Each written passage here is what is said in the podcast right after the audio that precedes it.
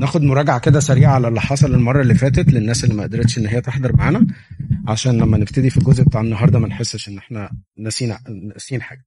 سفر عزرا هو سفر بيتكلم على رجوع بني إسرائيل من السبي إلى أورشليم. فسفر عزرا ونحامية يعني بيعتبروهم كمجموعة واحدة هم بيتكلموا على الرجوع. وبيكون هم عزرا ونحامية الاثنين اشتركوا في كتابة الأسفار بالإضافة إلى أخبار الأيام الأولاني والثاني اللي كتبوا عزرا وهو بيتكلم فيه على المرحلة اللي هي بداية السبي. فأنا هبتدي من أول أخبار الأيام الثاني إصحاح 36 عشان نشوف إيه اللي حصل قبل السبي وبعد كده إيه اللي حصل في السبي. زي ما السبي اتاخد في ثلاث مراحل الرجوع من السبي برضو كان في ثلاث مراحل. فنيجي نلاقي في سفر أخبار الأيام الثاني عدد خمسة اصحاح 36 عدد اثنين هنمشي بسرعة كده بيتكلم على آخر ثلاث ملوك كانوا موجودين في مجلس موجودين في أورشليم وفي يهوذا. والملوك في الوقت دوت كانوا بيتغيروا بسرعة جدا بسبب التقلبات السياسية وبسبب ضعف الدولة في هذا الوقت. فكان بيبتدي دلوقتي بيهوياقيم كان ابن 25 سنة حين ملك وملك 11 سنة في أورشليم وعمل الشر في عيني الرب إلهه. دي هتلاقيها typical بتتقال على كل الملوك الأواخر من ملوك يهوذا في الفترة الأخيرة دي قبل السبي عليه صعد نبوخذ نصر ملك بابل وقيده بسلاسل نحاس ليذهب به إلى بابل وأتى نبوخذ نصر ببعض أنية بيت الرب إلى بابل وجعلها في هيكله في بابل. يبقى دي أول مرحلة من مراحل السبي نبوخذ نصر الثلاث مراحل قام بيهم نبوخذ نصر بس قام بيهم على ملوك مختلفين ليهوذا. أول مرحلة كانت يهو يقيم وأخده وطلع بيه على بابل وخد معاه كتير من الأواني بتاعه المذبح. بعد كده يجي الملك اللي بعده يهو يكين ابن ثماني سنين حين ملك وملك ثلاثة أشهر وعشرة أيام في أورشليم وعمل الشر في عيني الرب.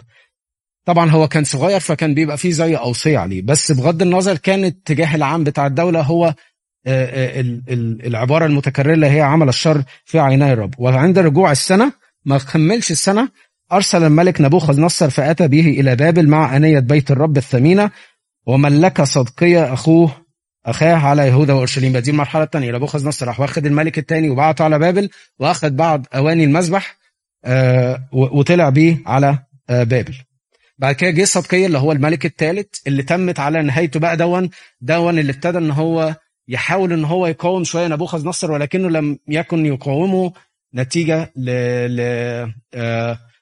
بمعونة ربنا. هو كان ال... الإيجو بتاعه كان بيحاول إن هو يقف قدامه إن هو يحاول يوقف الانهيار اللي بيحصل للدولة ده لكنه ما استعنش بربنا ولذلك ربنا سلمه لإيد نبوخذ نصر. وعمل الشر في عيني الرب إله ولم يتواضع إمام أرميا النبي من فم الرب. أرميا النبي جاله في الوقت ده قال له اسمع كلام ربنا لازم ترجع لربنا. مفيش خلاص ومفيش يعني اللي حاصل دلوقتي مفيش ريفرس ليه غير إن أنت لازم ترجع لربنا. ولكنه ما صدقش كلام ارميا وارميا لو نيجي نقرأ في سفر ارميا في إصحاح 25 وزي ما هيتقال دلوقتي إن هو تنبأ عن السبي وتنبأ عن إن يهوذا هيبقوا بعيد عن الهيكل لمدة 70 سنة. ولما نيجي نحسب تاريخيا هنلاقي إن فعلا الفرق 70 سنة. أو جيت تو ذات يعني في أوانه. حتى أن جميع رؤساء الكهنة والشعب أكثروا الخيانة حسب كل رجسات الأمم فأرسل الرب إله ابائهم اليهم عن يد رسله مبكرا ومرسلا لأنه شفق على شعبه وهكذا وهكذا. عدد 17 فأصعد عليهم ملك الكلدانيين اللي هم بابل فقتل مختاريهم بالسيف. خلص بقى. قتل كل القادة ولم يشفق على فتى أو عذراء ولا على شيخ ولا أشيب بل دفع الجميع ليده. حتى ما كانش فيه أي يعني آآ آآ يعني شفقه بأي حد موجود هناك. وجميع آنية يعني الأول مرة وتاني مرة كانوا بياخدوا بعض الآنية. المرة دي راح واخد كل آنية المذبح والهيكل وهدم الهيكل ودمر الهيكل تماما.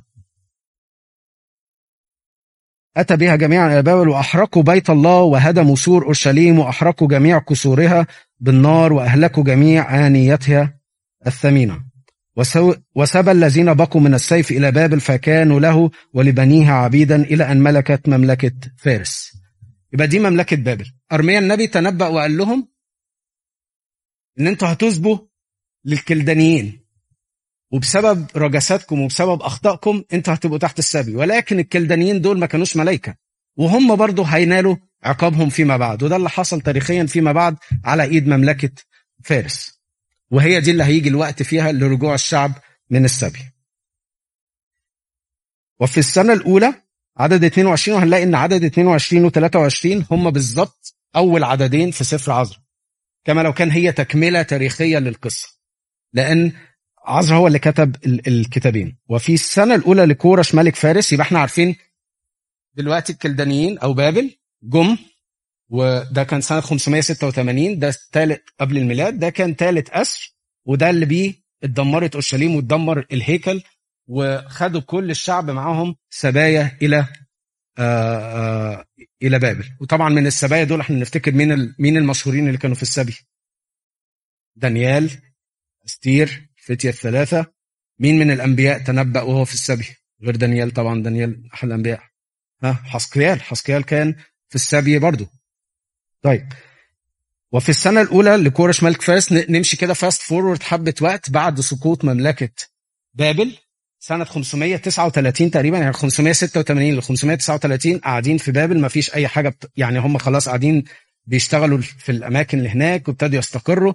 وعلى سنة 539 ابتدى مملكة فارس إن هي take over مملكة بابل. وفي السنة الأولى لكورش ملك فارس لأجل تكميل كلام الرب بفم ارميا نبه الرب روح كورش ملك فارس فأطلق نداء في كل مملكته وكذب الكتاب قائلا هكذا قال كورش ملك فارس إن الرب إله السماء قد أعطاني جميع ممالك الأرض وهو أوصاني أن أبني له بيتا في أورشليم التي في يهوذا من منكم من جميع شعبه الرب إله معه ليصعد إيه التغير المفاجئ ده؟ فاكرين المرة اللي فاتت اتكلمنا إن كان في بعض العوامل اللي أثرت على أو اللي خلت كورش إن هو ياخد ال attitude ده towards شعب الله. أول حاجة دانيال. مين اللي استقبله؟ دانيال. دانيال كان في أواخر عهد البابليين بعد ما حصل ال incident بتاع جب الأسود. الملك رقاه وخلاه على كأنه رئيس وزراء. وابتدى إن هو ياخد السلطة دي لغاية لما مملكة بابل وقعت. وجه كورش فنيجي نلاقي في دانيال إصحاح ستة بنلاقي إن دانيال كان ممجد عند البابليين وعند كورش فدانيال كان ليه وضع. فدانيال ابتدى يتكلم مع كورش وقال له على حاجتين. likely يعني. الأولانية قال له إحنا من 200 سنة في نبي عندنا اسمه اشعيا تنبأ بالاسم إن في كورش هيجي ويخلص الشعب. الحاجة الثانية قال له إن في نبي تاني اسمه ارميا تنبأ إن في سبعين سنة الشعب ده هيفضل في السبي فالنبوءتين دول بيتحققوا مع وجودك انت. بالإضافة إلى مكانة دانيال وإن هو كان إنسان أمين ومسموع آآ آآ كلامه عند الملوك الملك ابتدى إن هو يلين قلبه. ونيجي نلاقي في تاريخيا كده مملكة فارس كانت مختلفة جدا عن مملكة بابل. مملكة بابل كانت بتعتمد على القوة وبتعتمد على إن هي تروح ويعني كان كل اللي يهمهم طبعا كل الممالك دي هو إيراد الأرض والفلوس وهكذا وإن هو يوسع مملكته. يعني هي معركة بقاء في الأول وفي الآخر. مملكة فارس كان ليها attitude مختلف towards البلاد اللي هي كانت بتاخدها. كانوا بيولوا عليهم بيخلوهم في أماكنهم ويولوا عليهم ولاه. وهو ده على فكرة الموديل اللي فضل مكمل كتير بعد كده مع الدولة العثمانية فيما بعد في ال في ال في ال يعني بعديها بألف سنة. يعني موديل إن أنت ليك العاصمة بتاعتك وبتولي ولاة في أماكن مختلفة. ده كان اللي ابتدى يظهر. فكورش كان هو ما ما هو كورش العظيم هو اللي أسس مملكة فارس وابتدى ياخد الموديل ده. فقال لك هم بدل ما هم قاعدين عندي أنا أرجعهم مكانهم وفي نفس الوقت أنا سامع إن أنا يعني ده دي دي تحقيق نبوة وهم في الوقت دون كان الشعب اليهودي برضو ليه مردود طيب عند الناس. حتى لما نيجي نلاقي في الإصحاح الأولاني في عذرا لما الملك أصدر القرار بتاعه إن الناس ترجع هنلاقي مين اللي اتبرع لهم؟ اللي اتبرع لهم البابليين والناس اللي كانوا عايشين معاهم. فكان ال ال ال atmosphere العام بيسمح إن الشعب يبتدي إن هو يرجع. فلو رحنا لسفر عزرا دي كانت مقدمة تاريخية كده بسرعة. يبقى قلنا إن السبي تم سنة 586 كورش تولى سنة 539 وبعد كده نيجي على سفر عزرا في الإصحاح الأولاني اتكلم على نفس الأمر الدكري اللي أصدره كورش ملك فارس هتلاقي نفس العدد مكتوب بالظبط في السنة الأولى لكورش ملك فارس وهكذا. وقال إن جميع ممالك الأرض دفعها لي الرب إله السماء وهو أوصاني أن أبني له بيتا في أورشليم. من منكم من كل شعب وابتدى إن هو يدي زي دكري أو أمر إن الشعب اللي عايز يرجع إن هو يرجع. في الوقت ده كان القائد على الشعب السفر بتاع عزرا متقسم جزئين. أول ست إصحاحات بيتكلم عن شخصية تاريخية اسمها زروبابل ابن شلتائيل وهو كان قائد اليهود في المرحلة الأولانية. والرجوع الثاني إحنا زي ما قلنا هم اتأثروا على ثلاث مراحل رجعوا في ثلاث مراحل. المرحلة الأولانية هي بتاعت زروبابل الاصحاح الأول للسادس. المرحلة الثانية بتاعت عزرا نفسه شخصيا من الاصحاح السابع للعاشر. كان المرحلة الثالثه اللي كانت مع نحامية في السفر اللي بيليه عشان كده الاثنين بيعتبروا واحدة واحدة بيتكلموا على رجوع بني إسرائيل من السبي. ففي الإصحاح الأولاني اداهم أوامر إن هم يرجعوا كان قائد الشعب في الوقت دون زروبابل ابن شلتائيل ورجع معاه يشوع اللي هو الكاهن. ده طبعا غير يشوع اللي هو المشهور اللي هو جه بعد موسى. وابتدى إن هو يرجع معاهم آنية المذبح اللي هم كانوا اخذوها منهم وقت ملك نبوخذ نصر طبعا لما مملكة بتيك أوفر مملكة تانية بيورثوا منهم كل المقتنيات بتاعتهم وهكذا. فكان في خزائن الملك كل الحاجات اللي اتاخدت من الهيكل. فالملك من محبته فيهم رجعهم قال لهم ارجعوا اللي عايز يرجع يرجع ومش كده وبس ده أنا هديكم فلوس وهديكم الحيوانات اللي هتقدموها ذبائح لما ترجعوا. و... و... والشعب كله إن هو يبتدي يلم لهم. الشعب البابلي, نفسه أو اللي هم كانوا موجودين معهم في الاسر الاصحاح الثاني زي ما تقولوا كده لوحة الشرف أسامي الناس اللي رجعت مع زروبابل تقريبا رجع معاه 42 ألف وكسر يعني غير العبيد وغير كده فتقريبا رجع معاه 50 ألف واحد. قلنا ده في السنة الأولى لملك كورش يبقى سنة 539 38 ابتدى يصدر القرار دون. في الإصحاح الثالث نلاقيهم إن هم رجعوا. أول حاجة عملوها إيه أول ما رجعوا؟ بالظبط كده. إحنا أول ما بن يعني بنشتري كنيسة جديدة أول حاجة نعملها من قبل ما نبيض من قبل ما نعمل أي حاجة من قبل ما نحط أيقونات نحط لوح مقدس ونصلي على طول. وهو ده التقليد اللي موجود من زمان. فأول حاجة عملوها أول ما رجعوا بيوتهم تاني في أورشليم طبعا كل حاجة كانت متدمرة بنوا مسبح وابتدوا إن هم يقدموا عليه ذبيحة. عدد ثلاثة وأقاموا المذبح في مكانه لأنه كان عليهم رعب من شعوب الأرض وأصعدوا عليهم محرقات للرب محرقات الصباح والمساء. خلي بالكم إن هم في الوقت دون الشعوب اللي حواليهم لسه موجودين والتاريخ لسه موجود. فكل الشعوب اللي حواليهم كانوا مقلقين. دول رجعوا تاني إحنا عارفين إن هم دول كانوا قوة مهمة جدا في المنطقة فإحنا عايزين نكيب ذم ويك والطريقة اللي فارس أدارت بيها المملكة بتاعتها إن هم بيزك لكل الولاة دول كانوا زي ما تقولوا كده جواسيس على بعضهم فبحيث إن لو في أي مملكة من دول أو أي مجموعة من دول حبت إن هي تستقل عن المملكة اللي هي بتاعت فارس الباقيين يروحوا يريبورت لملك فارس وبالتالي إن هو يقدر إن هو يسيطر على المملكة بتاعته كلها. بعديها بسنتين في السنة الثانية من مجيئهم خلاص ارتاحوا قدموا ذبيحة ابتدوا يفكروا في إيه؟ إن هم يبنوا الهيكل. خلوا بالكم مملكة إسرائيل على مدار الوقت هي رمزي يعني centered around الهيكل من أيام داوود حتى لما مملكة إسرائيل في الشمال انفصلت عنهم ابتدت إن هي تضعف وتضعف وتضعف وكان أحد أسباب الضعف ليها طبعا أهمها إن هو بعدهم عن ربنا اللي هو symbolized by إن هم كانوا بعيد عن الهيكل ولم يمارسوا الطقوس اللي ربنا قال لهم عليها أو إن هو الصلوات بتاعتهم.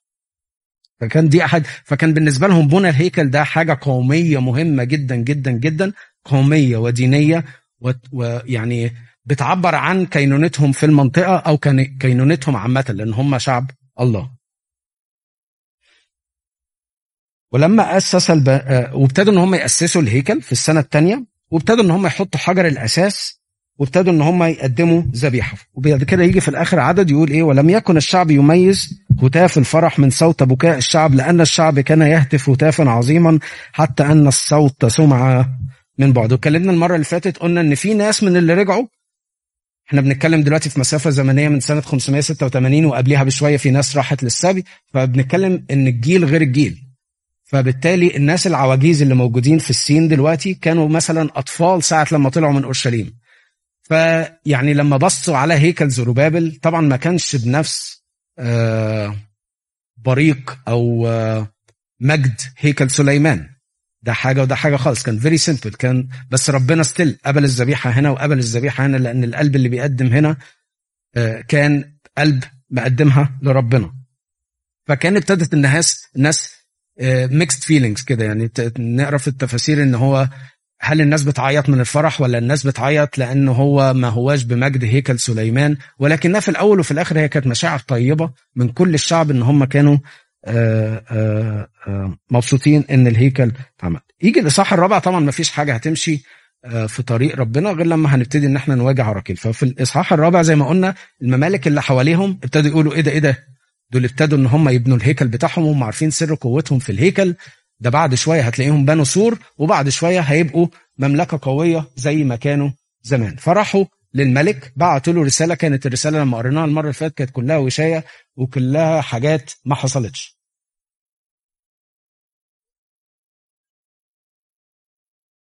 كورش وبعديه قمبيز اللي هو ابنه اللي هو دلوقتي عذر أربعة لما هم بعتوا للملك هم الأول بعتوا في وقت كورش بس كورش كان تمام قال لهم لا يكملوا بنا.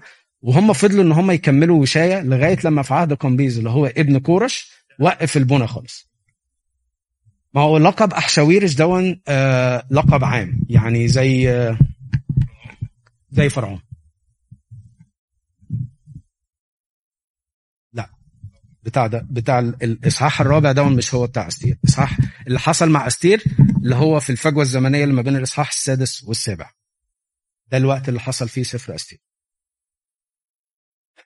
فابتدوا الممالك اللي حواليهم بعتوا رسالة وشاية للملك وابتدوا إن هم يدعوا عليهم حاجات ما حصلتش حتى إن هم قالوا له دول بنوا السور وإن هم هيبتدوا إن هم يبقوا اندبندنت وهيخرجوا عن طوعك وإحنا كل همنا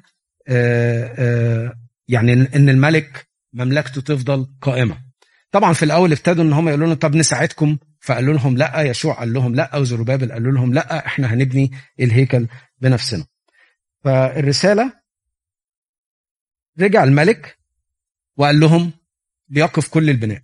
فهم تقريبا قعدوا في المرحلة الأولانية دي لما عملوا الأساسات تقريبا سنتين أو ثلاثة ووقف البناء لمدة تقريبا 14 15 سنة لغاية لما هنشوف اللي حصل في الإصحاح الخامس. ففي الفترة دي جم ملوك آه ما رضيش إن هم يكملوا العمل بتاعهم وفضلوا تقريبا 14 سنة وابتدى الشعب إن هو كمان بقى إيه خلاص بقى كل واحد يشوف حاله وابتدوا إن هم يشوفوا أشغالهم وما اهتموش جدا ببناء الهيكل. وفي الوقت دون مين الشخصيتين اللي ظهروا؟ لو نفتكر من المرة اللي فاتت النبيين اللي ظهروا اللي ابتدوا يشجعوا الشعب إن إحنا جايين نعمل إيه؟ إحنا جايين نبني. هم حجاي وزكريا. بالظبط. فنيجي في الإصحاح الخامس. فتنبأ النبيان حجاي وزكريا ابن عبد لليهود الذين في أورشليم باسم إله إسرائيل عليهم فلما ابتدوا إن هم يشجعوا الشعب ابتدى زروبابل وقادة الشعب إيه ده؟ إحنا صحيح بنعمل إيه؟ ما هو الملك خلاص اللي كان مضايقنا والملك اللي بعده راحوا. فما تيجي نجرب. إحنا معانا أمر من كورش العظيم اللي هو اللي أسس المملكة إن إحنا نكمل بنا وابتدوا بالفعل إن هم يكملوا بنا حتى من غير ما ياخدوا إذن الملك الحالي في الوقت ده. فإيه اللي حصل؟ الممالك اللي حواليهم أوب أوب أوب إيه ده؟ أنتوا ابتديتوا تبنوا. لكن المجموعة اللي هنقرأ عنها في إصحاح خمسة دي أو اللي قرينا عنها في إصحاح خمسة كانت مختلفة شوية عن المجموعة بتاعت إصحاح أربعة. دول بعتوا رسالة للملك كانت كلها أمانة. بيقولوا له دلوقتي إحنا رحنا كلمنا الناس دي وقالوا لنا إن هم عندهم أمر من كورش فلو سمحت ممكن تراجع الأوامر الملكية اللي صدرت من عندك وتشوف هل الكلام ده فعلا صحيح ولا لأ. ولو صحيح قول لنا ونخليهم يكملوا الشغل. فكانت رسالة أمينة وفعلا لما بعتوا للملك الملك ابتدى إن هو يبص في التأريخ بتاعه والأوامر اللي طلعت من الملوك وقال لهم لا ده هم مسموح لهم وأنا كمان أمركم إن أنتوا تساعدوهم. ده اللي هو داريوس.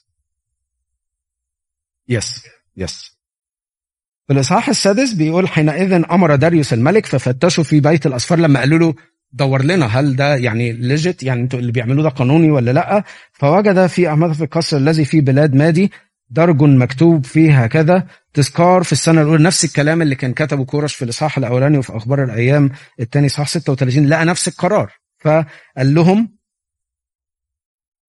والآن يتتني ده ده الوالي اللي بعت له الرسالة. فدلوقتي الملك بيوجه له كلامه بيقول له والي عبر النهر وشطر بوزناي ورفاقائكما الإفريسكيين وهكذا وهكذا. اتركوا عمل بيت الله هذا أما والي اليهود وشيوخ اليهود فليبنوا بيت الله هذا في مكانه وقد صدر مني أمر بما تعملون مع شيوخ اليهود هؤلاء في بناء بيت الله هذا فمن مال الملك من جزية عبر النهر تعطى النفقة عاجلا لهؤلاء الرجال حتى لا يبطلوا. وابتدى يديهم أوامر إن هم يساعدوا نيجي لنهاية الإصحاح السادس. ابتدوا إن هم بنوا الهيكل. ابتدوا إن الكهنة يلبسوا ثيابهم واللويين يمارسوا يمارسوا عملهم خلي بالكم إن لما نيجي للصح الثاني الأعداد اللي طلعت اللويين ما كانوش كتير قوي. آه دي هنرجع لها تاني في الإصحاح السابع مع عذرا آه وابتدوا إن هم يحتفلوا بالأعياد الأول احتفلوا بعيد المظال اليهود عندهم ثلاث أعياد مهمة قوي. عيد المظال عيد الفصح وعيد الخمسين. أوكي؟ عيد. عيد المظال اللي هو آه بيفكرهم بال بال آه بالتيه في أرض في أرض سينا. وعيد الفصح طبعا معروف. وعيد الخمسين اللي هو يناظر اللي هو الوقت اللي جه فيه بطرس الرسول وبشر واللي هو حلول الروح القدس عندنا في المسيحية يناظر عيد الخمسين لليهود. طيب نيجي بعد كده ده كده حصل سنة 516 تقريبا اللي هم 70 سنة بالظبط من أول دمار الهيكل 586 ل 516 اللي تنبأ عنهم ارميا. هم دول ال 70 سنة وتم فعلا اكتمال بناء الهيكل سنة 516 ودي بتقفل حقبة زمنية الأولانية بتاعه عزرا آه sorry بتاعه زروبابل بن شألتيئيل اللي هي الرجوع الأولاني. يبقى الرجوع الأولاني كان إيه هدفه كان إيه إيه تركيزه؟ إعادة بناء الهيكل. الرجوع الثاني اللي هو في إصحاح سبعة ده كان على إيد عزرا وكان الاهتمام فيه بإعادة إحياء الشريعة. يبقى الأولانية إعادة بناء الهيكل إعادة إحياء الشريعة ده مع عزرا ونحامية طبعا مشهور إن هو أعاد إعادة بناء السور. طيب أحسبه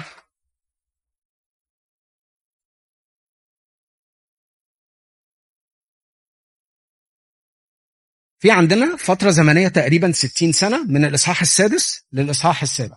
إحنا قلنا الهيكل تم بناؤه سنة 516 فضلوا عايشين في المكان دوت عزرا رجع سنة 458 57 فتقريبا في 60 سنة more or less فجوة ما بين الإصحاح السادس للإصحاح السابع. فعهد بقى ملك تاني خالص. وفي الوقت دوت المؤرخين يقولوا إن ده الوقت اللي حصل فيه القصة بتاعت أستير.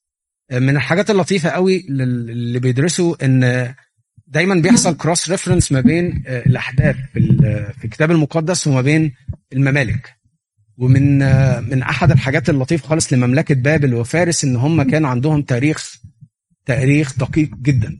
فبالتالي حصل إن إن بيحصل زي validation كده إن إحنا بنتأكد إن التواريخ اللي في الكتاب المقدس مناظرة أو مماثلة للتواريخ اللي ذكرت في الممالك دي وفي كتب التاريخ بتاعتهم which is يعني it's going smoothly very يعني مع كل الأحداث التاريخية. وخلي بالنا إن الكتاب المقدس ما هوش كتاب تاريخ ولكنه كتاب كل ما فيه حقيقي ودقيق. ولكنه ليس كتاب تاريخ. لما بتقرأ كتاب تاريخ بيبقوا مهتمين جدا بالتواريخ وده حصل في يوم كذا من سنة كذا في ملك كذا وهكذا. ولكن كل ما ذكر في الكتاب المقدس دي برضو حاجات من اللي بيتهم بيها الكتاب المقدس إن في حاجات مش مش ممكن ما تكونش حقيقية أو out of context أو مش في وقتها. الكتاب المقدس ليس كتاب تاريخ ولا كتاب science ولا هو كتاب آآ آآ كتبوا أناس الله موثوقين موثوقين من الروح القدس ربنا بعته لنا عشان نعرفه من خلاله. بس ده ما يمنعش إن كل الحقائق التاريخية والعلمية اللي فيه هي دقيقة ولكنها ليست detailed في ولي طيب صح السابع نقرا مع بعض. إحنا كده هنبتدي بقى الكلاس بتاع النهارده. وبعد هذه الأمور في ملك ارتحشستا ملك فارس عذرا ابن سرايا ابن عزريا ابن حلقية ابن شلوم ابن صدوق ابن أخيتوب ابن أمرية ابن عزريا ابن مرايوث ابن زرحية ابن عزي ابن بقي ابن أبي شوع ابن فنحاس ابن العازر ابن هارون الكاهن والرأس. هو ده الهدف هو عايز يوصل ليه. okay؟ هو عزرا عزرا كان وظيفته هو كان كاهن وكان كاتب. الكاتب كانت وظيفته إيه؟ بينسخ الكتب المقدسة. ولذلك عزرا كان ليه دور مهم جدا جدا جدا للشعب اليهودي وهو هو اللي جمع أسفار الكتاب المقدس كلها لغاية وقته. فنلاقيه هو اللي جمع أسفار موسى كلها لأن هو كان كاتب وكان بيحافظ عليها. بعد السبي وبعد الحريق وبعد كل اللي حصل دوت ما كانش في حد قادر إن هو يجمع الحاجات دي غير عزرا هو اللي قام بهذا العمل فجمع كل أسفار موسى جمع كل الأسفار التاريخية اللي قبليه جمع كل الأنبياء. فكان ليه دور مهم جدا. وهو برضه كان كاهن. عزرا هذا صعد من بابل وهو كاتب ماهر في شريعة موسى التي أعطاها الرب إله إسرائيل. وأعطاه الملك حسب يد الرب إلهه عليه كل سؤل إيه كان سؤال سؤال إيه إيه سؤال عذرا عذرا كان كل همه إن هو يحافظ على الشريعة يعيد إحياء الشريعة. هو كان كاتب ودي كان الكور يعني فانكشن بتاعته إن هو يكتب ويحافظ على الشريعة ويعلم الشريعة.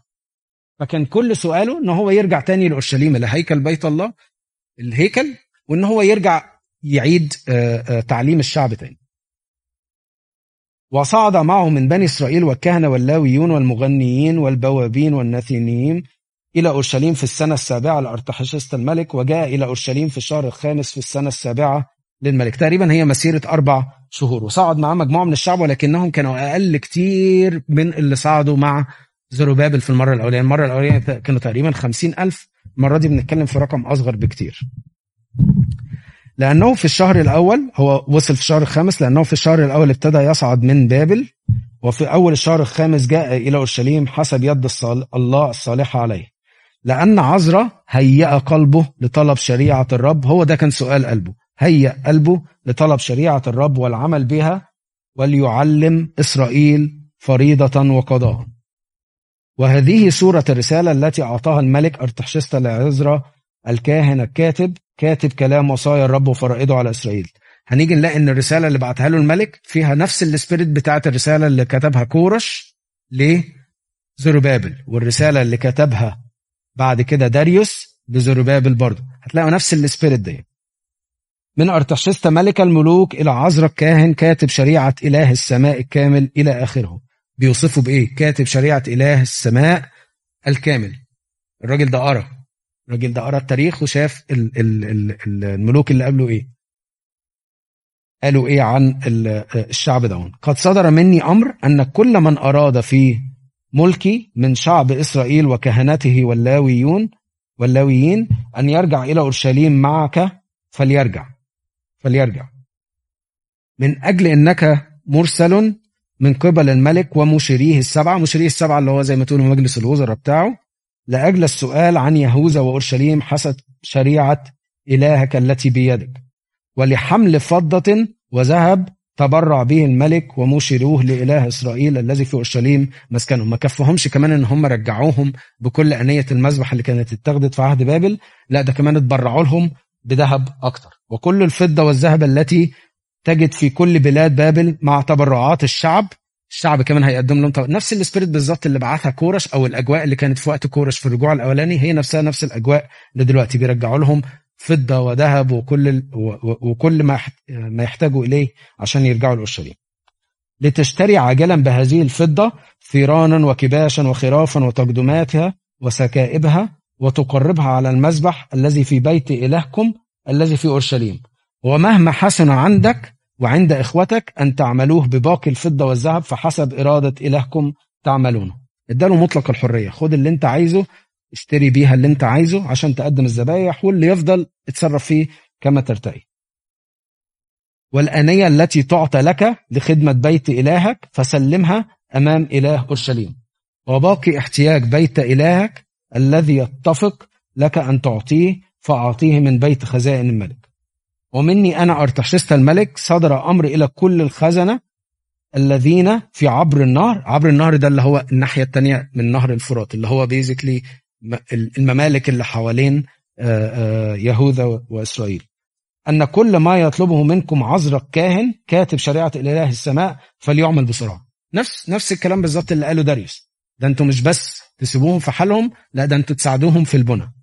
نفس الكلام هنا بيقولوا أرتحشست إلى مائة وزنة من الفضة ومائة كر من الحنطة ومائة بث من الخمر ومائة بث من الزيت والملح من دون تقييد. كل دي طبعا حاجات هم محتاجينها في الصف. كل ما أمر به إله السماء فليعمل باجتهاد لبيت إله السماء لأنه لماذا يكون غضب على ملك الملك وبنيه؟ طبعا هو الملك بيفكر منظور أنا عايز أرضي هذا هذا الإله اللي أنا سمعت عنه إن هو بيعمل عجائب. أهم حاجة إن أنا أحافظ على ملكه. وده نفس الكلام اللي قاله على فكرة داريوس وهو بيبعت لهم الرسالة الثانية وقال لهم وخلوا النبيين اللي عندكم دول اللي هم حجاج زكريا يصلوا لي أنا واولادي ونعلمكم أن جميع الكهنة واللاويون واللاويين والمغنيين والبوابين والنثينيم وخدام بيت الله هذا لا يؤذن أن يلقى عليهم جزية أو خراج أو خفارة. ده, كمان ده أنا ده أنتوا tax exempt أنتوا مش بتدفعوا ضرايب خلاص. okay كل الناس اللي هم ليهم علاقة ب ب بالمذبح وبتقديم المذبح والهيكل دول معفيين من الضرائب أما أنت يا عزرا فحسب حكمة إلهك التي بيدك ضع حكاما وقضاة يقضون لجميع الشعب الذي في عبر النهر من جميع من يعرف شرائع إلهك والذين لا يعرفون فعلمهم. هو اداله ال ultimate authority يعني هو قال له انت انت المسؤول عن كل حاجة عين قضاه عين ولا وخل بس خلي بالكم لغاية دلوقتي لم يطلق عليه لقب ملك. هو كل دوت عزرا كان بمثابه والي. زيه زي بقية الولاة اللي على بقية ال ال ال المقاطعات اللي موجودة في المكان قال له بس أنا هديك آه، السلطه إن أنت تعمل كل اللي أنت عايزه. تعين بقى حكام تعين قضاة تعين ولاة على مناطق أصغر. أنت تدير الأمر كما يرتقي ليك. وكل من لا يعمل شريعة إلهك وشريعة الملك فليقضى عليه عاجلا إما بالموت أو بالنفي أو بغرامة المال أو بالحبس. لا ده كمان ابتدى إن هو يعني ادفوكيت إن شريعة الله هي اللي تسود على الأرض وإن اللي يغلط أو إن هو يخالف الشريعة بتاعت إله عذرا ده يحاكم إما بالسجن أو بالمال أو أو أو وات مبارك الرب إله ابائنا الذي جعل مثل هذا في قلب الملك. ده بقى كلام عذرا مبسوط طبعا من اللي الملك قاله. قال مبارك الرب إله ابائنا الذي جعل مثل هذا في قلب الملك لأجل تزيين بيت الرب الذي في أورشليم. وقد بسط علي رحمة أمام الملك ومشيريه وأمام جميع رؤساء الملك المقتدرين. وأما أنا فقد تشددت حسب يد الرب إلهي علي وجمعت من إسرائيل رؤساء ليصعدوا معي.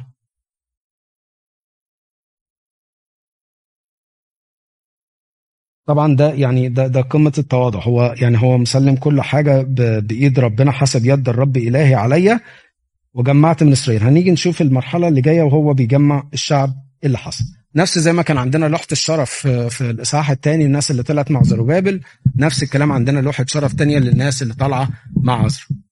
بالرغم إن هم راحوا متأخر ولكنهم هم أصحاب الساعة الحادية عشر. ممكن يكونوا بتوع نحاميه هم أصحاب الساعة الحادية عشر. بس هم ستيل مكتوب اسمهم في سفر الحياة أو في في لوحة الشرف دي يعني if you will. وهؤلاء هم رؤوس أبائهم ونسبة الذين صعدوا معي في ملك أرتحشست الملك من بابل من بني فنحاس بني فنحاس ده اللي هو ابن هارون يبقى دول الكهنة وهكذا وهكذا. كل الأسامي دي بعد كده بقى عددهم وطبعا إحنا قلنا المغزى من ذكر الأسامي والأعداد هو للتكريم لأن هم ناس سابوا خلي بالكم 70 سنة دي مش مدة قليلة ممكن تكون أكتر من كده كمان ده إحنا بنتكلم على المسافة من آخر سبي لغاية بناء الهيكل 70 سنة ففي ناس كانت مسبيه من قبلها بكذا سنة. ب 10 15 سنة كمان. ف 70 سنة أو 80 سنة دي مش مدة قليلة. دي مدة كفيلة إن الجيل الحالي يمشي ويبقى في جيل جديد ويبقى عجوز وكمان يبقى في الجيل الشاب دلوقتي ده اللي هيبقى second generation تقريبا. الجيل الثالث الجيل الثالث بعد الناس اللي هم اللي جم في في السبي الأولاني أو الثاني فبالتالي خلاص دي بقت عيشتهم. و actually اللويين كان في منهم كتير ابتدوا إن هم يشوفوا أشغال تانية ابتدوا إن هم يشتروا يجيبوا أراضي ويزرعوا ويعملوا كل الأنشطة اللي موجودة. فكان الرجوع صعب الرجوع ما كانش الرجوع كان آه مدفوع بالذكريات اللي كانت بتسلم من جيل إلى جيل.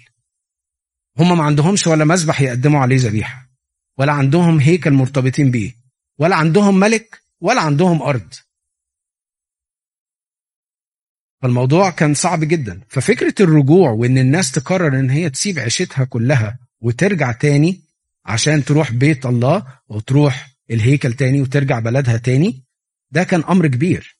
عشان كده الكتاب المقدس بيبجلهم وبيذكر لنا أسمائهم وعددهم. عدد 15 فجمعتهم إلى النهر الجاري إلى اهوى نهر دون اللي هو تقريبا أحد روافد نهر الفرات في منطقة بابل. ونزلنا هناك ثلاثة أيام. ابتدى يجمعهم كلهم. وتأملت الشعب والكهنة ولكنني لم أجد أحدا من اللويين هناك. المرة الأولانية اللي طلعوا من اللويين كانوا قليلين والمرة دي كمان كانوا أقل لأن هم ابتدوا إن هم خلي بالكم هم في السبي هم قبل السبي كان ليهم وظيفة واحدة اللي هي مرتبطة بالهيكل. ما بقاش فيه هيكل. هيعملوا إيه؟ ابتدوا يشتغلوا أي حاجة تانية فابتدت الدنيا تاخدهم وابتدوا ينسوا أعمالهم الأصلية. فكان في عدد قليل خالص منهم طالع. فأرسلت إلى العازر وأريئيل وشمعية والنثان وياريب والنثان ونثان وزكريا ومشلام الرؤوس ولا ياريب والنثان الفاهمين يعني أسامي ناس كانت موجودة في الوقت دون. وأرسلتهم إلى ادوا الرأس في المكان المسمى كسفية وجعلت في أفواههم كلاما يكلمون به. ادوا ادوا ده كان رئيس اللويين وأخوته الناثنيم في المكان كسفية ليأتوا إلينا بخدام لبيت إلهنا. أنا هروح أنا رايح للهيكل. هروح من غير من غير لويين؟ ما هو هم ده, ده, ده هي دي ده, ده, ده الكور يعني جوب بتاعهم. هو لما كانش في لويين مين اللي هيخدم بيت؟ آآ آآ بيت الله.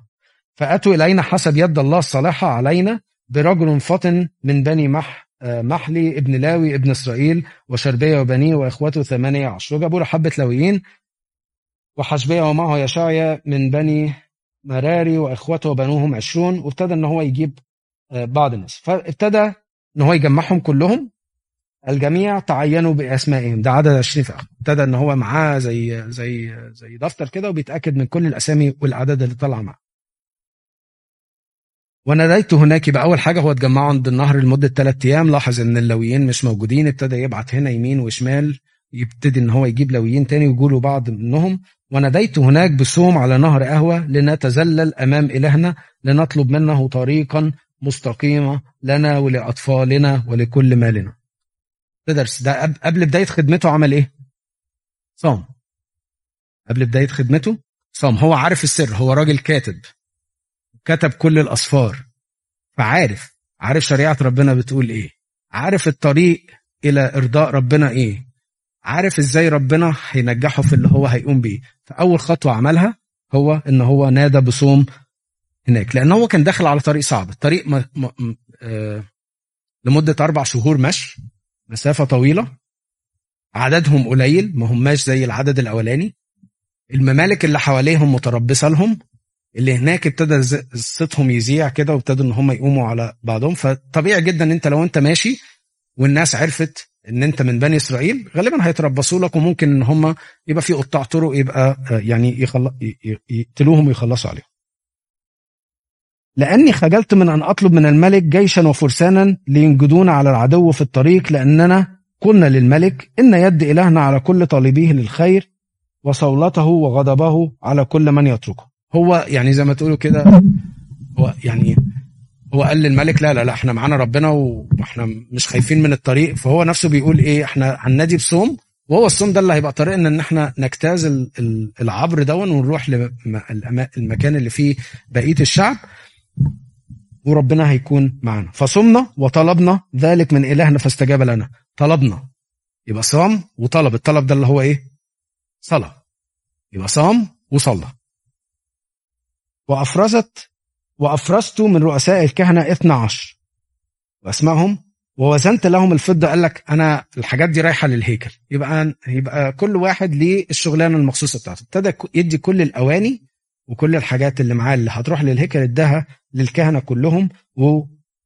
وسجلها كلها.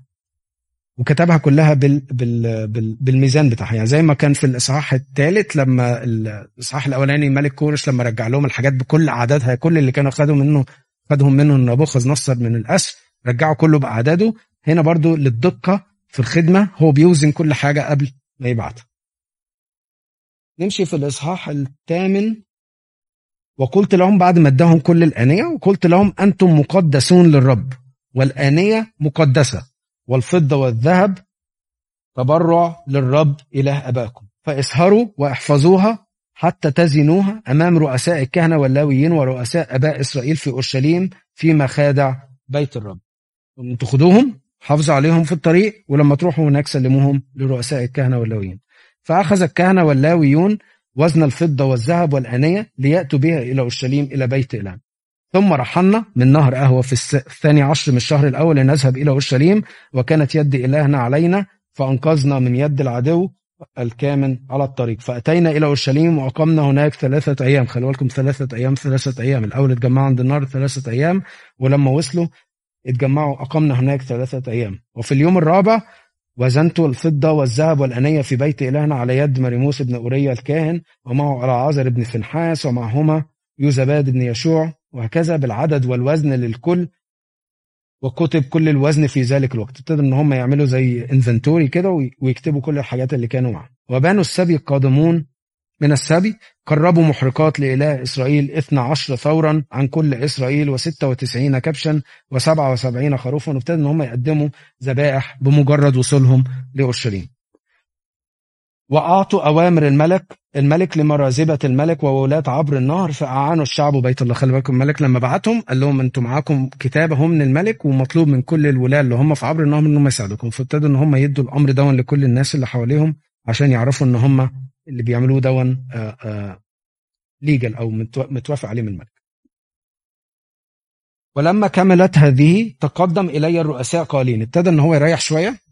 يا دوبك مسافة زمنية تقريبا آه، إحنا هو اتحرك في الشهر الأولاني وصل في الشهر الخامس هنيجي نلاقي دلوقتي إن هو في الشهر التاسع بيقولوا له بقى إيه ريحت كده تعالى بقى عشان عندنا مشكلة كبيرة. طيب إيه بقى هي المشكلة؟ ولما كملت هذه تقدم إلى الرؤساء قائلين افتكروا المرة اللي فاتت قلت لكم كانت مشاكل شعب شعب يهوذا أو شعب إسرائيل قبل السبي كانت مختلفة شوية عن بعد السبي. قبل السبي كانت إيه أهم مشاكلهم؟ فين؟ عبادة الأوثان. دي كانت مشكلة كبيرة جدا جدا جدا جدا. من نيجي نلاقي بعد السبي هنلاقي المشكلة دي مش موجودة خالص وليس لها أي ذكر. ولكنها موجودة بصورة أخرى. وهي وهي اكشلي الصورة اللي نفسها تطورت من أيام سليمان إلى إن هي وصلت إن هي عبادة أوثان. وهي الزواج من أجنبيات. لأن بمجرد إن هم بيصاهروا أمم مختلفة ده بالتالي انت بتفتح بيتك لمعتقدات آه، مختلفة. تفتح بيتك لأولادك إن هم يتعلموا معتقدات مختلفة وبالتالي دي اللي ابتدت مع سليمان وانتهى بيهم الأمر إلى عبادة الأوثان. نفس الكلام نفس المشكلة هتبتدي تظهر لهم دلوقتي. إحنا قلنا عزرا ونحامية الاثنين واجهوا مشكلتين مهمين. أول حاجة الحروب الخارجية اللي جت لهم من البلاد اللي حواليهم. والحاجة الثانية اللي حجاي وزكريا ادرست اللي هي الكومبليسنسي اللي هم إيه؟ تسليم بالأمر الواقع بقى إحنا مش عايزين نشتغل إحنا خلاص بقى ما هي فكان الشعب زي ما تقولوا متواكل أو متكاسل. ولما كملت هذه تقدم إلى الرساء قائلين لم ينفصل شعب إسرائيل والكهنة واللاويون من شعوب الأراضي حسب رجاستهم. إحنا ما انفصلناش للأسف. في ناس لسه عينيها وقلبها متعلق بالعالم اللي بره من الكنعانيين والحثيين وهكذا وهكذا وهكذا. لأنهم اتخذوا من بناتهم لأنفسهم ولبنيهم واختلط الزرع المقدس بشعوب الأراضي وكانت يد الرؤساء والولاة في هذه الخيانة أو الرؤساء والولاة ابتدوا إن هم يلاحظوا اللي بيحصل دوت. فراحوا يريبورتت لمين؟ لعزرا. فلما سمعت بهذا الأمر مزقت ثيابي وردائي ونتفت شعر رأسي وذقني وذقني وجلست متحيرا. دي كانت علامات حزن كلها.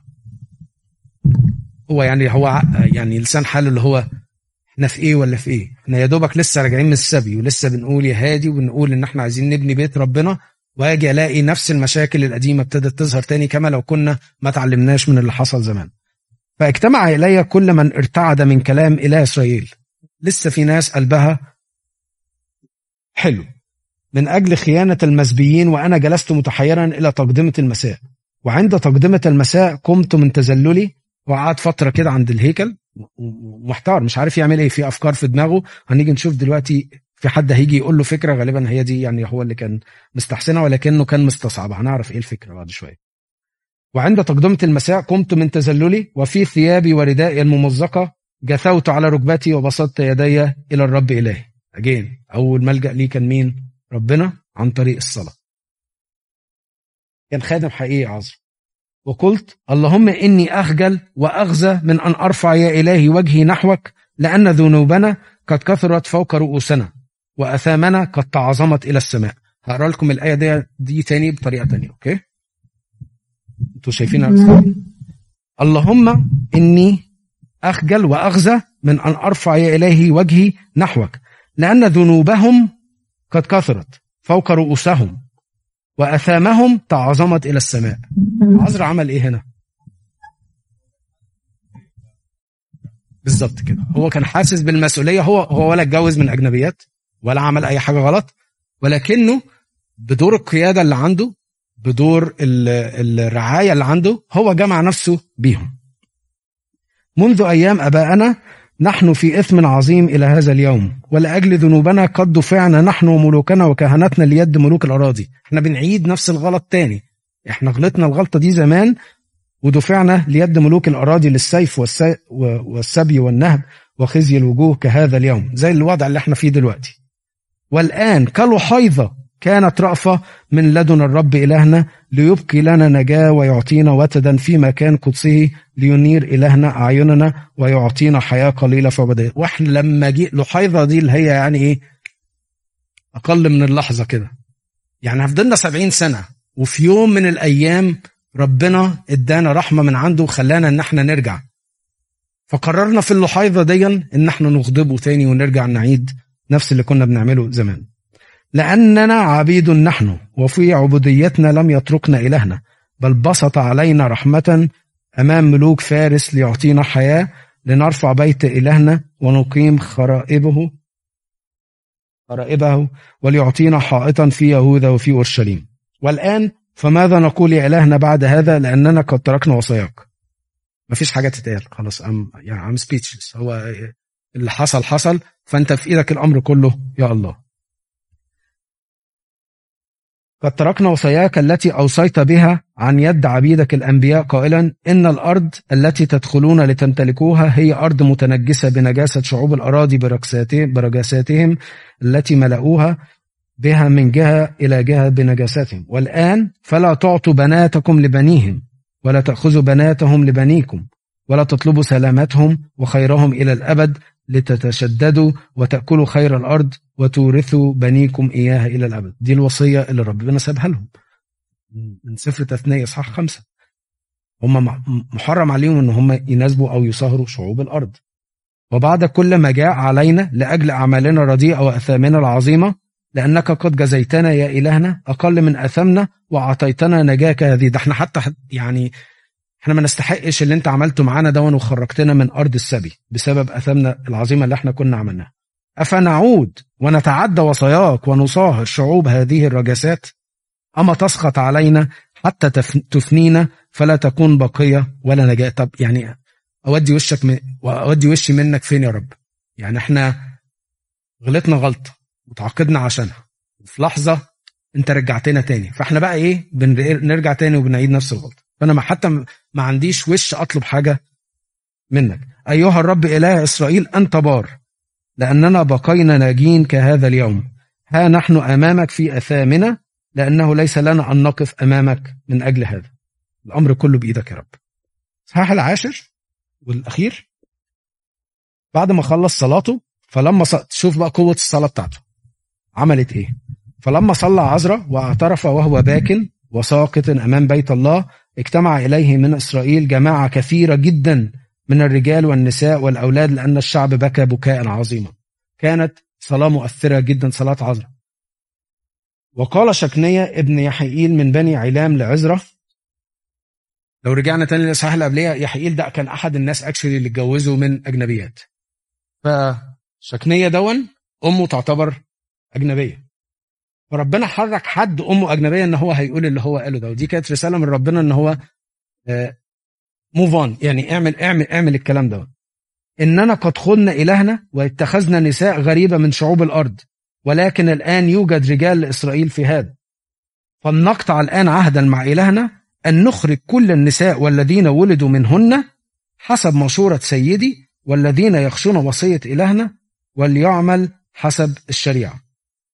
قم فإن عليك الأمر ونحن معك. تشجع وافعل. هو جاله قال له خلاص أي حد غريب هنمشيه. خلوا بالكم دي برضو إحنا في فرق ما بين إصحاح السادس للسابع 60 سنة. 60 سنة دي مش قليلة. دول اتجوزوا من أجنبيات وخلفوا منهم والعيال كبرت وبقوا وسطهم والموضوع بقى معقد جدا. إزاي هتقدر تفصل كل الكلام دون وتطلعهم بره الشعب؟ فكان الأمر صعب جدا على عذر إن هو ياخد قرار زي دون. فقام عذرا واستحلف رؤساء الكهنة واللاويين واللويين وكل إسرائيل أن يعملوا حسب هذا الأمر فحلف قال لهم إحنا أنا مش هينفع أبقى لوحدي. أنا أستحلفكم أن أنتوا تقوموا بالأمر ده معايا. ثم قام عزرا من أمام بيت الله وذهب إلى مخدع يهوحانان بن ألياشيب فانطلق إلى هناك وهو لم يأكل خبزا ولم يشرب ماء لأنه كان ينوح بسبب خيانة آل السبي. again فكرة الصوم والصلاة. هو صلى لما كان عنده مشكلة ودلوقتي هو فضل صايم إلى نهاية اليوم لأنه كان ينوح بسبب خيانة أهل السبي. وأطلقوا نداء في يهوذا وأورشليم إلى جميع بني السبي لكي يجتمعوا إلى أورشليم. قال لك جمع الشعب كله بقى عشان نقول لهم القرار. فهم عارفين إن ده يوم عظيم ويوم كبير وفي أمر جلل يعني موجود وإن هو هيعلن عن قرار مهم. وكل من لا يأتي في ثلاثة أيام حسب قدامهم مهله ثلاث أيام. يعني أنتوا حوالين أورشليم في مكان تجمع لازم كلكم تبقوا موجودين في خلال ثلاث أيام. واللي مش هيبقى موجود هيفرز من جماعة أهل السنة. فاجتمع كل رجال يهوذا وبنيامين إلى أورشليم في الثلاثة أيام أي في الشهر التاسع في العشرين من الشهر وجلس جميع هو وصل في الشهر الخامس في الشهر التاسع كان ابتدوا إن هم يدرسوا المشكلة دي وجلس جميع الشعب في ساحة بيت الله مرتعدين من الأمر ومن الأمطار. كان موسم مطرة وكانت المطرة صعبة جدا. فقام عزرا الكاهن وقال لهم إنكم قد خنتم واتخذتم نساء غريبة. لتزيدوا على إثم إسرائيل. فأعترفوا الآن للرب إله ابائكم وأعملوا مرضاته وانفصلوا عن شعوب الأرض وعن النساء الغريبة. فأجاب كل الجماعه بصوت عظيم كما كلمتنا كذلك نعمل. إلا أن الشعب كثير والوقت وقت أمطار ولا طاقة لنا على الوقوف في الخارج والعمل. ليس اليوم واحد أو الاثنين لأننا قد أكثرنا الذنب في الموضوع. إن إحنا عشان نمسك واحد واحد ونقول له أنت اتجوزت مين وخلفت مين وفين بقيت عيلتك ونطلعهم بره الموضوع ما كانش نفر ولا نفرين ده موضوع هياخد وقت كبير جدا. فليقف وابتدوا إن هم يقترحوا حاجة مختلفة. فليقف رؤسانا رؤساءنا لكل الجماعة وكل الذين في مدننا قد اتخذوا النساء غريبة فليأتوا في أوقات معينة. ومعهم شيوخ مدينة في مدينة وقضاتها حتى يرتد عنا حمو غضب إلهنا من أجل هذا الأمر. إحنا نقسمها وكل مدينة تقوم بالأمر دون لوحدها. ويوناثان بن عسائيل ويحزي بن فقط قام على هذا. طبعا مش كل أمر هيبقى فيه يعني كل الناس توافق عليه وكان في بعض الاعتراضات. وفعل هكذا بنو السبي وانفصل عزرا الكاهن ورؤساء ورجال رؤوس أباء حسب بيوت ابائهم وجميعهم بأسمائهم. وجلسوا في اليوم الأول من الشهر العاشر للفحص. عن الامر وده كان الشهر التاسع ابتدوا في الشهر العاشر يبتدوا يفحصوا الأمر وانتهوا من كل الرجال الذين اتخذوا نساء غريبة في اليوم الأول من الشهر الأول. فضلوا ثلاث أشهر كاملين بيحلوا في المشكلة دي من أول الشهر العاشر لغاية الشهر الأول من السنة اللي بعدها فوجد بين بني الكهنة من اتخذ نساء غريبة. في من أبناء الكهنة اتخذ نساء غريبة. فمن بني يشوع بن يوصداق عارفين يشوع بن يوصداق ده مين؟ ده اللي طلع من مع زروبابل ده هو ده كان الكاهن اللي أو اللي بنى أول مذبح بعد الرجوع. من ولاده اتجوزوا أجنبيات. وإخوته اخوته كمان مع شيع وعلي عازر ويريب وجدليا. وأعطوا أيديهم لإخراج نساء نسائهم مقربين كبش غنم لأجل إثمهم. ومن بني إمير حناني ومن بني كذا وكذا وكذا وكذا. ومن اللويين حتى برضه ومن المغنيين ومن إسرائيل من بني علام. وكل وابتدى إن هو يذكر الناس اللي هي خرجت النساء الغريبة. أو الرجال الغريبة من وسط بني إسرائيل. وهكذا. كل هؤلاء اتخذوا نساء غريبة ومنهن نساء نساء قد وضعن بنين. ده يختم لنا سفر عذراء يبقى عذراء سفر عذراء أول سفر تاريخي بيذكر الأحداث اللي بتاعه الرجوع من السبي. بيشمل مرحلتين المرحلة الأولى اللي هي الرجوع الأول مع زروبابل وكان الهدف منها هو بناء الهيكل. المرحلة الثانية هي كانت مرحلة عزرا أو بقيادة عزرا ودي كانت مرحلة إحياء الشريعة. المرحلة الثالثه كانت في كتاب نحامية ودي عن إعادة بناء السور حوالين الهيكل. عزرا كان كاهن وكاتب اهتم بشريعة ربنا كذلك إن هو كان كل التركيز بتاعه في المرحلة بتاعته إن هو إعادة إحياء الشريعة تاني. اهتم بجمع الكتب المقدسة اللي سبقته كلها وعزرا حتى في التقليد اليهودي يسمى بموسى الثاني لأن موسى الأولاني قاد خروج الأول. مين اللي قاد الخروج الثاني؟ أو كان العلامة المميزة؟ هو عزرا الاثنين علموا الشريعة. الاثنين حافظوا على الشريعة. هو ده اللي كتب أول أصفار وده اللي جمع كل الأصفار في الآخر. ففي تشابه كتير ما بين خدمة موسى وخدمة عزرا والاثنين بيو يعني آه ليهم كل الإجلال في التقليد اليهودي وطبعا إحنا آه يعني آه بنمجد بنكرمهم برضه وهكذا لأن هم ناس حافظوا على كتب الشريعة وحافظوا على إرساء كلمة الشريعة أو إرساء شريعة الله وسط شعبه في وسط مجتمع كان صعب جدا إن هم يقدروا يحافظوا على هذا وسط هذا المجتمع. لله كل المجد الأبد آمين. لو في حد عنده أي أسئلة. هو سفر عذر يعني سفر جميل. آه ولو حبيتوا تقروه يعني لو جات لكم فرصة ممكن تقروه مع سفرين بتوع حجاي وزكريا. هيدوكم فكرة كاملة مع طبعا سفر نحميا. سفر عزرا ونحميا بيتناولوا المرحلة التاريخية أو القصة التاريخية. سفر حجي وزكريا بيتكلموا على إزاي كانوا بيشجعوا الشعب أو النبوءات اللي حصلت في هذا الوقت. فالأربعة مع بعض يمثلوا زي ما تقولوا كده unit واحدة بتتكلم على مرحلة الرجوع من السبي اللي هي من سنة 530 لغاية سنة 440